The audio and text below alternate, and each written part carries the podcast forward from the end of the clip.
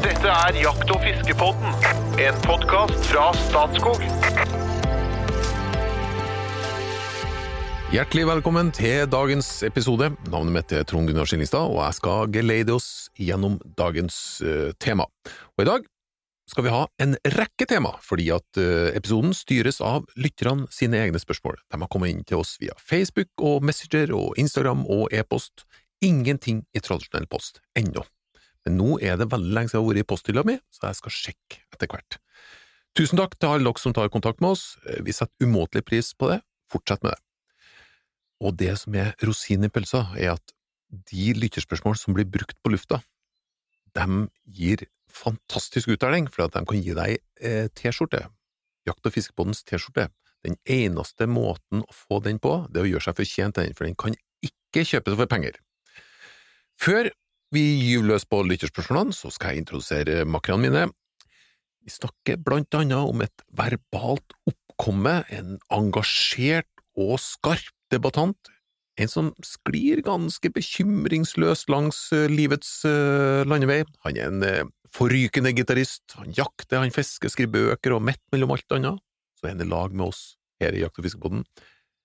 Informasjonssjefen i Norges Jeger og Fisk, og vår egen kunstnersjel, Espen Farstad! Tusen takk. Og ikke nok med det! Jeg har med meg en som er litt lik og litt ulik. Vi snakker da om jegerkongen fra Solør, som har jakta mer enn sitt eget fylke. Han har bygd et jaktpalass på Innlandet med hus, stabbur og ikke minst et moderne slakteri. I sin egen låve, selvfølgelig. Det, vi snakker om en kar med tre dieselbiler med solide piggdekk, egen gravemaskin og lastebærer, sju frysere, to traktorer og doktorgrad i rypeforvaltning, en sammensatt sjel fra Solør. Hjertelig velkommen, eh, fagsjef i Statskog, og vår egen rypedoktor, Jo Inge Brisjeberget! Uff a meg. Ja. Til våre lyttere, dette er ikke noe verken jeg og Espen har funnet på, altså. Da kan du få Vi tilbake Ja. I dag skal vi ha lytterspørsmål. Uh, Kjør på. skal vi gå rett på? Ja. Ja visst. Dere er jo fullstendig forkjust i skogsfugljakt, men her, her kommer det egentlig en veldig sånn spesifikk ting, som går på hagle. Hagle brukes til flere ting, da. Men det er en som heter Tormod. Jeg vet ikke etternavnet Tormod, så du må bare rett og slett sende oss navn og etternavn og adresse og mobilnummer og T-skjortestørrelse. Mhm. Tormod fra, på Instagram. Hva tenker panelet om nedbrytbare forladninger i hagleammunisjon? Er Ser det kommer alternativ i maisstivelse og andre materialer som fungerer veldig godt. Eh, parentes bioammo, LA, Echo, Wads osv. Men både bly og stål er plast på vei ut. For min egen del kan vi starte litt med hva forladning er, og så tar vi det fra. Kan jeg sende det til deg, Espen? Ja. Det er nærliggende å sammenligne med forhuden. Den er nødvendig, men jeg skal ikke, jeg skal ikke gjøre det. Det er altså en kopp inni haglepatronen som på en måte Uten sammenligning for Ja. øvrig. som samler hagla, og som går ut gjennom, når du skyter, som går ut gjennom løpet. Ja. Eh, og som blir spredd i naturen sammen med haglen. Eh, så det betyr at når du skyter et skudd etter en rype eller en and, så går det også ut et stykke plastikk. Hva er funksjonen til den? Ja, Ja, den skal, den skal holde samla og skal og, beskytte løpet. beskytte løpet inni, ja. Nemlig. Ah, Stålhagl, for eksempel, er ekstremt Det går jo ut i den farta i løpet, så Ja, ja. ja, ja, ja. Ok. Og Og så, og så bretter den seg Nå skal ikke jeg avbryte. Nei, nei, kom, kom. Det, ta det tekniske, du, så skal jeg forklare nødvendigheten etterpå. Ja. Det er jo da for å samle hagla, selvfølgelig, og, og beskytte løpet òg, i den grad eh, Altså, hvis du skutt med stålhagl, så er de ekstremt harde. Mm. Og her har du da en eh, plast, en liten plastdings da, som er mellom løpet og hagla. Ja. Så når det går ut, så er den her stort sett firedelt, så bretter de vingen seg ut, og så mister den fart, og så detter den ned. Hvis du skutter på lerduebane, så vil du ofte se de der Ja, Jeg har sett noe som fer der. Ja. Mm. Og, Det det, er, det er den og dette er, utgjør et reelt forurensningsproblem. Det har eh, innsenderen eh, Ja. kanskje ikke sagt direkte, men det lå vel i spørsmålsstillinga. For det at én ting er på skytebaner, her kan man jo samle det opp og, tatt, ja. og, og gjøre en innsats der. Det er jo et relativt lite problem. Det er verre ute i naturen. Uansett hvor du skyter, så vil jo denne bli liggende igjen, fordi du er jo opptatt av viltet, og du leter jo ikke etter en liten plastkopp på størrelse med en eh, tommelfingernegl. der ute etterpå. Så spørsmålet hans er helt relevant. Går det an å lage dette i et annet og nedbrytbart materiale? Eh, og eh, det finnes en landsdekkende interesseorganisasjon for jegere og fiskere som faktisk har tatt fatt i den problemstillinga, kontakta eh, flere av de store eh, importørene av haglepatroner i Norge, og sagt at vi vil gjerne at vi i fellesskap skal være pådrivere for å få til en utvikling på dette mot et mer miljøvennlig alternativ. Hvilken organisasjon snakker du om nå? Nei, da snakker jeg om Norges jeger- og fiskerforbund, som jo naturlig tar på seg den type ansvar. Eh, det har vi gjort. Og eh, en produsent har kommet et stykke på vei med med dette maisalternativet, ja, som Ja. er nedbrytbart i naturen. Ja. Eh, Det er fremdeles noe sånn mikroplastproblematikk knytta til dette her, så det er, det, er, det er ikke helt rett fram, og det er litt utfordringer som Jo Inge er inne på, at de harde haglematerialene som Mm. nå kommer til å etter hvert bli eh, en del av de alternativene som kan velges til bly, hvis man får blyforbud, gir oss større utfordringer i så måte. Mm. I, I hagla. Så det så, men, men jeg kan eh, Og litt ut av oppbevaringen, selvfølgelig òg. Altså, den vil jo mm, Vi har jo sett Var det Bioamos som ble nevnt her, da? De må teste noe, og det, det er jo da òg hylsa nedbrytbar. Så i den grad Det er jo en styggedom, da. Tomhylser som vil ligge i natt. Det skal en alltid ta med seg. Veldig synlig. Tomhylser som vil ligge i natt i naturen. Og turgåere og alle misliker det. Altså, det skal vi bare ta med oss. Men de, i den grad du mister like hylsa, så vil den brytes ned. Komplett. Mm. Men det vil òg gjøre at den mest sannsynlig blir følsom for eh, temperatursvingninger og ikke minst fuktighet. da. Altså oppbevaringa vil kreve Mm. litt mer til oppbevaring at det er tært. Og Det er ikke alltid det på jakt. Hva ble laga før de ble laga av plastikk? Papp, Papp, ja. som Papp og var- filt. Papp og filt, ja. Ja. Som òg var uh, veldig følsom for fuktighet. da. Mm. som svelger, ikke pappen svelger. Men tilbake til der jeg var, da, for jeg var ikke helt ferdig der heller!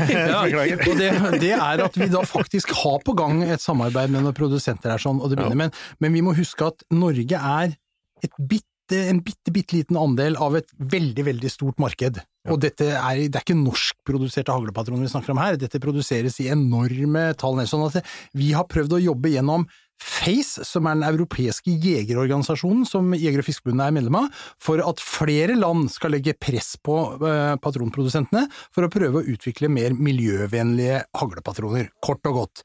Arbeidet er på gang, eh, kunne sannsynligvis gått litt fortere, men det, det kommer så smått etter hvert her. Det er en helt reell problemstilling. Et sted som det særlig er et problem, dette med disse plastlandingene, det er faktisk langs kysten. Ja. Det driver i land ufattelige mengder med dette, og ja, jeg er veldig glad i dansker, jeg synes det er hyggelig å være i Danmark, men jeg tror at mye av skylda ligger i den utstrakte sjøfugljakta som de har i Danmark, hvor de skyter, skyter det er jo deres frie jakt, på en måte. Eh, Og det driver jo rett opp til oss og, og feier inn på kysten av Jomfruland, ikke sant, og, og griser til våre strender. Mm. I, i ganske, du kan lett finne dem der. Og, det plast generelt er jo en styggedom i, naturen, da. Og Mm. av en eller annen grunn så har det en tendens til å havne opp i havet, og som mikroplast til slutt. Så, Mm. så det, det er jo, i likhet med bly, så er dette her noe som eh, kommer til å forsvinne i det lange løp. Det er vi ganske overbevist om. Mm. Mhm.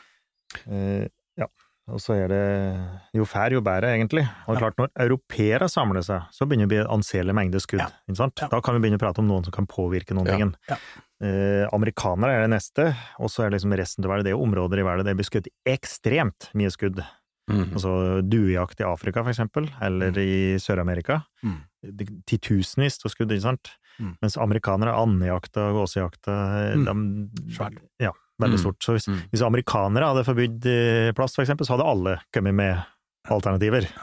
Da Det hadde kommet med en gang. Ja. Men vi presser på. Men Europa, Europa er jo tross alt en stormakt det når det gjelder jakt, da. så Mm. at, eh, det vil jo hjelpe. Men her, her Norge gjør det, vi må samarbeide med noen, så skal vi få, få det her. Og så må jeg bare si at vi har fått litt drahjelp i Norge til dette her sånn, for det finnes en organisasjon eh, bestående av eh, stort sett biologer og, og, og nerder, eh, som heter Sabima, Samarbeidsrådet for biologisk mangfold. Veldig spennende og, og bra organisasjon, spør du meg.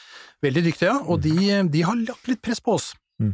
eh, og, og har vært med oss i noen møter med med importører av haglepatroner og sånn, for å legge litt ekstra press på det. Så det er, så det er en visst fokus på dette. Mm.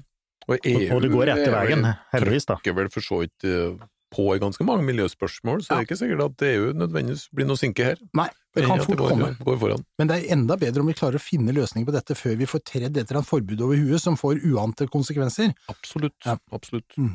Og NJFF eh, har jo definert seg sjøl også som en miljøorganisasjon, og da Vi er en jeger- og fiskerorganisasjon som skal ta miljøhensyn, ikke en miljøvernorganisasjon som driver med jakt og fiske. Så det, innfallsvinkelen er jakt og fiske, også, men vi, skal være miljø, vi regner oss som en del av den grønne familien, pleier vi å si. Ja. Mm. Ja.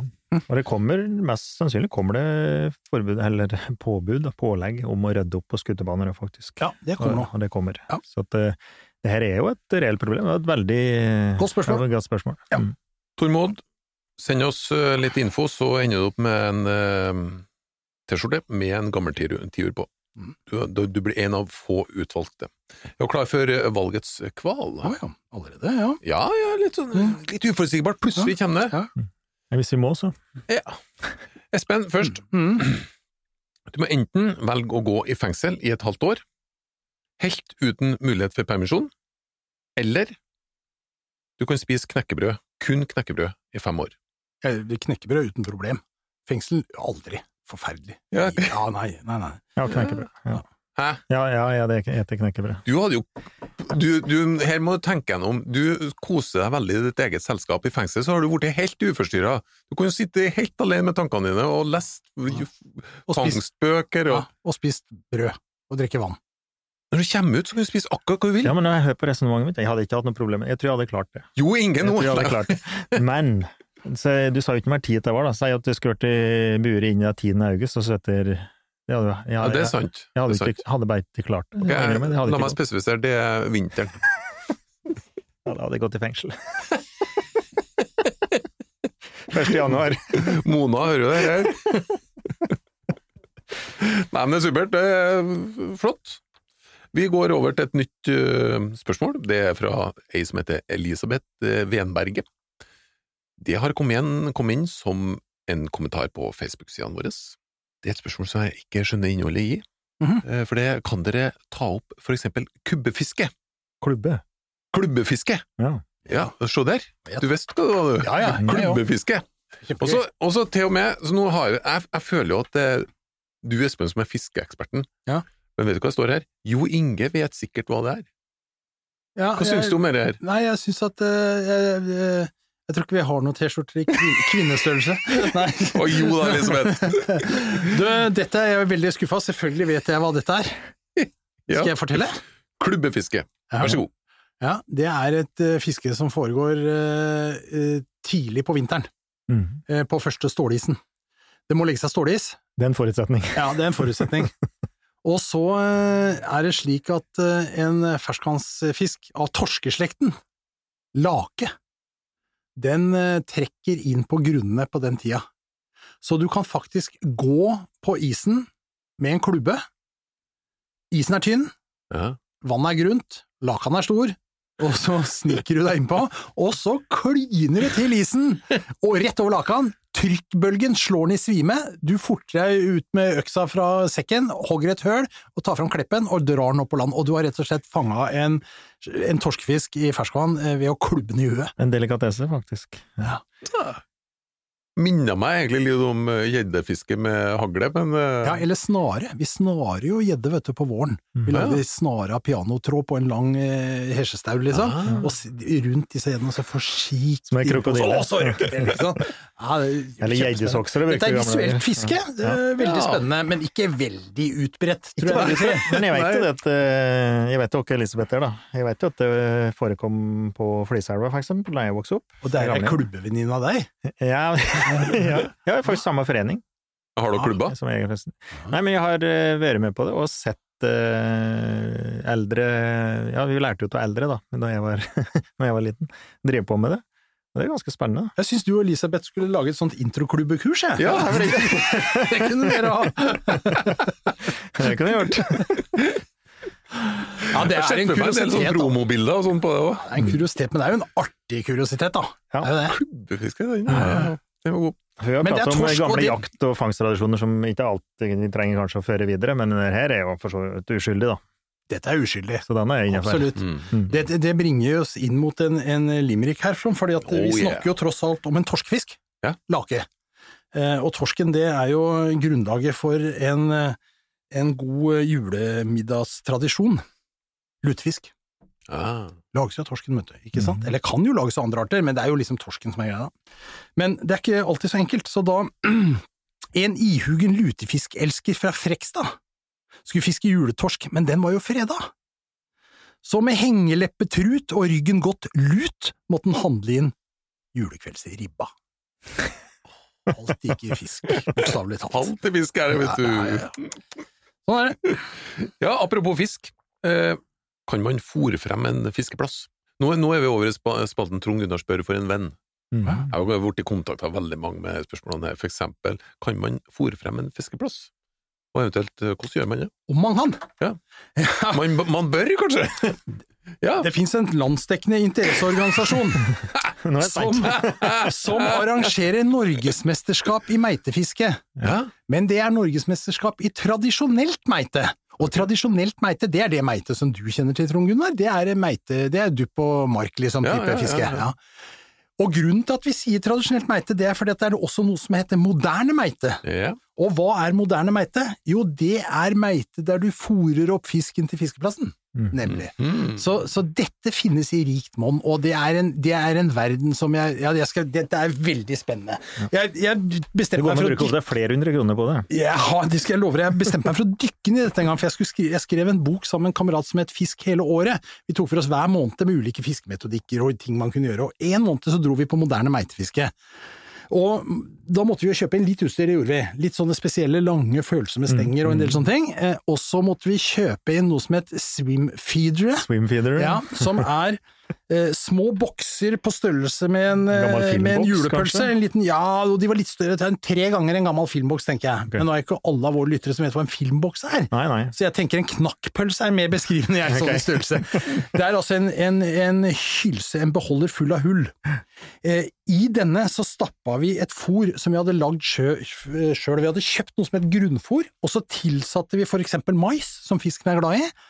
Og smaksstoffer, jeg husker det var mye koriandergreier og sånn, det lukta jo av finga i ukevis etterpå. Vi hadde sånne blandekar som vi blanda i, og så lagde vi en slags deig stappa inn i disse svimfidderne, som vi festa på snøret en eh, god meter overfor eh, kroken.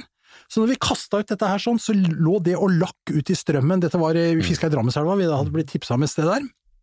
Og Eh, og ellers så, lagde vi sånne baller av disse, dette grunnfôret med mais og sånn, som, en snøball, som vi pælma ut i vannet, liksom sånn Kan bruke 20-25 meter ut. Ja, kan bruke egne, de hadde egne spretter, Ja, det er riktig. Og fôrer opp et helt område med grunnfôr og mais, og det var maggot, og det var smakstilsetning, du vil ikke tro det. Vi hadde hørt om at sånn skulle man gjøre, så vi hadde kjøpt inn alt dette her sånn, og fått beskjed om at vi skulle sette oss der overfor Gammelbrua, liksom, i Drammenselva på Mjøndalen, nedenfor kjøpesenteret, bak den gamle fabrikken, nedi der, liksom, ja, det og vi gjorde, som vi ble bedt om. Fòra opp, pælma ut, rigga til disse lange, rare stengene, kasta ut, og i løpet av 20 sekunder, dunk, sa vi på stanga, og vi dro opp sånne vedebuk og stamp på kilo halvannen i eninga, ikke sant, det var jo et helt fantastisk fiske! Da hadde vi fora opp en meiteplass, og dratt inn masse eh, fisk til området, dem holder seg selvfølgelig i området, det var jo ikke, det, du kunne dra så mye du ville. Ja. Ai, ai, et eventyr, altså! Ja, så det går an. Er det noe du gjør nå? Det er lenge siden jeg har hatt fram denne Kvivertip-stanga som han het, han står inne i hjørnet, men, men, eh, men altså, jeg gjør det bitte lite grann. Hvis jeg, hvis jeg har en, en ettermiddag og jeg, en sånn fin uh, forsommerkveld, så drar jeg ned i et lite vann som ligger nede for meg som heter Bondevannet, nede i hjørnet der, sånn der sånn fredelig plett hvor sola går ned, og så da fisker jeg med brød og fisker mort Mm. med dupp, bare for å se liksom duppen danse bortover og alt det der. Jeg syns jo dette er veldig gøy, og da fôrer jeg jo med, jeg jo med brød, ikke sant? Mm, mm. Det har vi alltid gjort da jeg var guttunge, og vi holdt på med dette her sånn. Spiste litt loffestoff, kasta ut litt skalker, og lagde små kuler og fiska mort. En sjøørretfiske, kan, kan man Nei, det tror jeg ikke du klarer, for dette er en, på en måte en jagende fisk som Da måtte du Nei, det, det tror jeg ikke du får til, Som Så finner maten lett sjøl, egentlig. Og jeg har tenkt på det mange ganger når jeg står eh, oppe i Galtstrømmen i Engerdal og venter på at det skal begynne å vake, kan jeg ikke liksom fòre opp og få starta vakinga med det? Du klarer jo ikke det, ikke sant? Nei, det går ikke. Tømme flueboksen, liksom? Nei, det går ikke. Men moderne meite, de bruker dette aktivt, og i, både i sjøen og i ferskvann. Mm, mm. Mm. Eh, fiske, eh, for det slo meg òg her, da. Fiske attmed oppdrettsanlegg. For, for det første så er det kanskje mye fisk der. Ja, det, For det andre, er det lov til å fiske? Det er Spørsmålstegn. nei, det, er jo- det, er jo, det er jo gitte avstander du må holde deg unna, da, for man skal ikke ha noe tull oppi oppdrettsanlegget. Så det, og det har jo vært en utfordring, veit jeg, for mange oppdrettsanlegg har slitt med, særlig eh, turistfiskere som kommer i båter, og som Ja. jo selvfølgelig har sett tegninga, at det her er det mye fisk rundt merdene. Ja. Men eh, for å være helt ærlig, er, er dette veldig fristende? Å ete de der pelletstinne seiene der, sånn grå geléaktig kjøtt etter, og nei takk. Jeg Men det kan stå noen litt feite fisker der. Ja, nei, men det Ser litt unormale ut, noen av dem. nei takk. Ellers takk. Nei takk. Nei, skal vi ta en lite, et lite lytterspørsmål, da? Ja. Så ikke det blir bare jeg som spør for vennene mine. Mhm. Eh, Ja. Torleif Øverås, han har spurt oss via Messenger. Hei dere, i eh, skal vi se, mårfangst ble ikke nevnt i episoden om å få barna hekta på jakt. Jeg bare lurer på om ikke det er en enkel og praktisk måte å få med ungene ut på tur. Det, det, der trenger man ikke å være stille, og gleden man får i kroppen når det henger en mår i fella, er helt enorm for min del. Og ellers, takk for en super podkast, har hørt alle episodene minst én gang. Tusen takk, Torleif. Og vær så god, Jo Inge.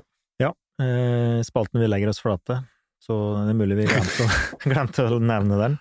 Eh, vi unnskylder oss med at det er fangst og ikke jakt, da, hvis det var det vi pratet om. Nei da. Jeg, jeg trodde vi hadde nevnt det, men det, det er jo helt klart. Eh, jeg har drevet med mårfangst med mine håpefulle. Eh, det fungerer som fjell, og du må legge litt innsats i det. Du må spåre, du lærer deg å felge spår, for eksempel, og finne rett til plassen, og det er liksom litt mye rundt. Og så er det spenninga med å, å faktisk gå og være kjent av fella, da, og se etter om det henger noe der, og det er til stor jubel. Så det kan anbefales, ja. Det gjør det. Mm. Eh, Mye læring i det, og sosialt, og som sagt, du trenger jo ikke være stille når du går skal se etter den fella der. Så. hvor ofte sjekker du mårfella? Ja, det skal jo, du skal jo, den tar jo, eh, den tar jo livet av måren, da, sant? Ja. Det er jo ikke levende fangst. Så, eh, men gjør det ganske ofte, hvis den blir hengende for lenge i fella, så er det fort gjort at det går eh, andre dyr på, på den da, og ødelegger pelsen. Kan nesten si at minker. Ja, Det er helt riktig. Du tror nå? Eh, så kan, kan bli litt snau i halen, for eksempel, eller noe lignende. Så nei, annenhver dag, kanskje. Mm. Ja. Har du, har du mårfella på konstant, du, eller? Ja, jeg har jo det, da. Ja, du har det? Eller gjennom sesongen, da. Ja. Ja. Når er det Nei, Det er jo vinterpelsen som er nå, da, ikke sant. Det, det, det er en vintersyssel, da, i all hovedsak. Ok, fra til Nei, altså etter jul, da, til eh, jakttida går ut. som går ut? Ja, på mår, jeg husker ikke farten, jeg. Eh, Mars. Ja. Det må man sjekke. Ja, ja. Men, eh, ja, selvfølgelig. Og du skal jo ta ned, da, før eh, sesongen er over. Ja. Så, ja. Hvis du lurer på det, så finnes det en landsdekkende organisasjon som har laget en, en app på, dette, hvor alle jakttidene står inne, lett tilgjengelig, da. Ja. Så, NJFF eh, glimtet det. ja da. Det- Stadig vekk. Men litt mer om uh, mårfella, faktisk, eh, så, som sikkert veldig mange lurer på, i hvert fall jeg. Kan du sette opp uh, en sånn mårfelle kun på din egen grunn? Må du ha grunneiers tillatelse for å sette opp det en annen plass? Ja, ja. Det, Ja. Det er 15. mars, for å ta det. Ja, ok. Jeg kom på det nå. Ja, ja du må ha grunneiers tillatelse, og da er det jo en stor statlig grunneier, for eksempel, i Norge, som heter Statskog, som har Ja. et smårovviltkort. Det koster 100 kroner for et år. Da har du grunneierstillatelse, da kan du sette opp det levelig på Statskogs grunn. Ok, Hvor som helst på Statskogs grunn med et sånt kort kan du sette opp Mhm. Eller også med et småviltkort, så kan du fangste mål, da, hvis det gjelder i den aktuelle Ja. perioden. Merker jeg med navn og nummer, da? Ja, Den skal merkes. Ja. Mm, det skal den. Veldig bra. Jeg hadde egentlig kravet. tenkt øh, å gå ned for landing, men øh, til dere som har øh, fått spørsmålene lest opp, husk på å sende oss navn, nummer, adresse, størrelse, så får dere T-skjorte i retur. Hm. Blant, da, da er dere blant de utvalgte. Før vi går øh, ut, så vil jeg bare ha en liten rangering. Hvis dere skulle rangere fisk etter hvor, godt de smaker og da, her er, Nå kommer det selvfølgelig an på anledning, tilberedning og tilbehør, men sånn strengt tatt etter en totalvurdering. Hvordan tre fisker ville dere ha plassert på pallen, og i hvilken rekkefølge? Espen, Jeg, eh, bronse, plass. Der tror jeg jeg skal sette makrell Jeg syns det er veldig godt med stekt makrell, men én til to ganger så er det nok, liksom. Men det er veldig godt å spise makrell. Veldig godt, jeg er enig. Ja. Litt lukt i huset, men ellers øh, Du tar kanskje Nei, du griller heller ikke.